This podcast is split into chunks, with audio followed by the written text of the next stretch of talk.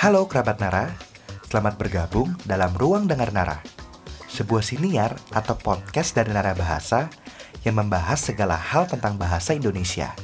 Sekadar informasi, kata siniar yang merupakan padanan dari podcast dibentuk dari kata dasar siar dengan diberi sisipan in. Pada episode siniar yang ketiga ini, kerabat Nara akan mendengarkan edukasi kebahasaan tentang cara membedakan di yang dipisah dan di yang dirangkai. Selamat mendengarkan.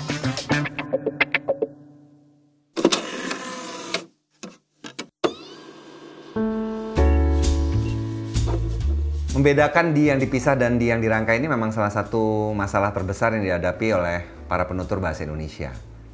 Kalau kita berbicara memang kan kita tidak akan bilang di sana dinya dipisah ya atau disusun dinya dirangkai ya nggak gitu. Kesulitan ini kita alami ketika kita menulis. Dugaan saya salah satu penyebabnya dulu antara periode 1947 sampai 1972 pada waktu kita menerapkan ejaan republik kita tidak membedakan antara di yang dipisah dan di yang dirangkai.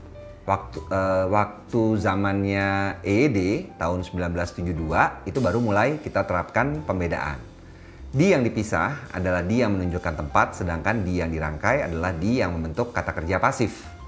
Jadi, kalau kita mau membedakannya, cara termudah adalah ganti di yang dipisah itu dengan ke, karena pasangan di yang menunjukkan tempat berada adalah tempat menuju. Di lawannya ke.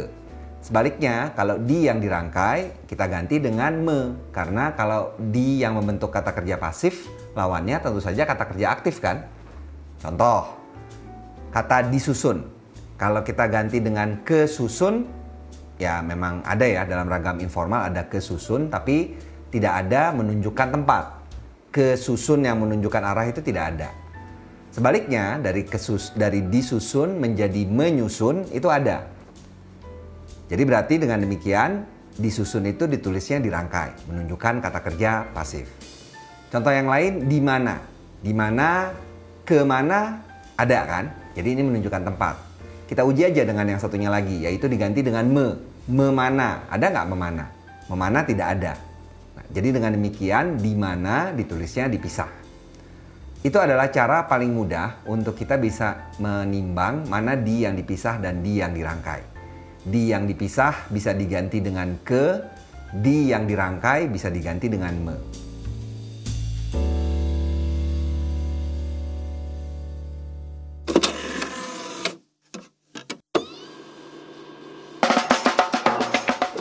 Terima kasih kerabat Nara sudah berkenan mendengar sampai akhir.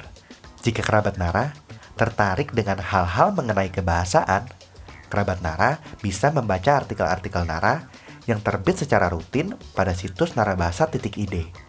Atau, kerabat Nara juga bisa berteman dengan Nara di media sosial. Temui Nara dengan nama pengguna Nara Bahasa ya. Sampai jumpa pada Ruang Dengar Nara episode selanjutnya. Pesan tim Nara masih sama kuasai bahasa, kuasai dunia.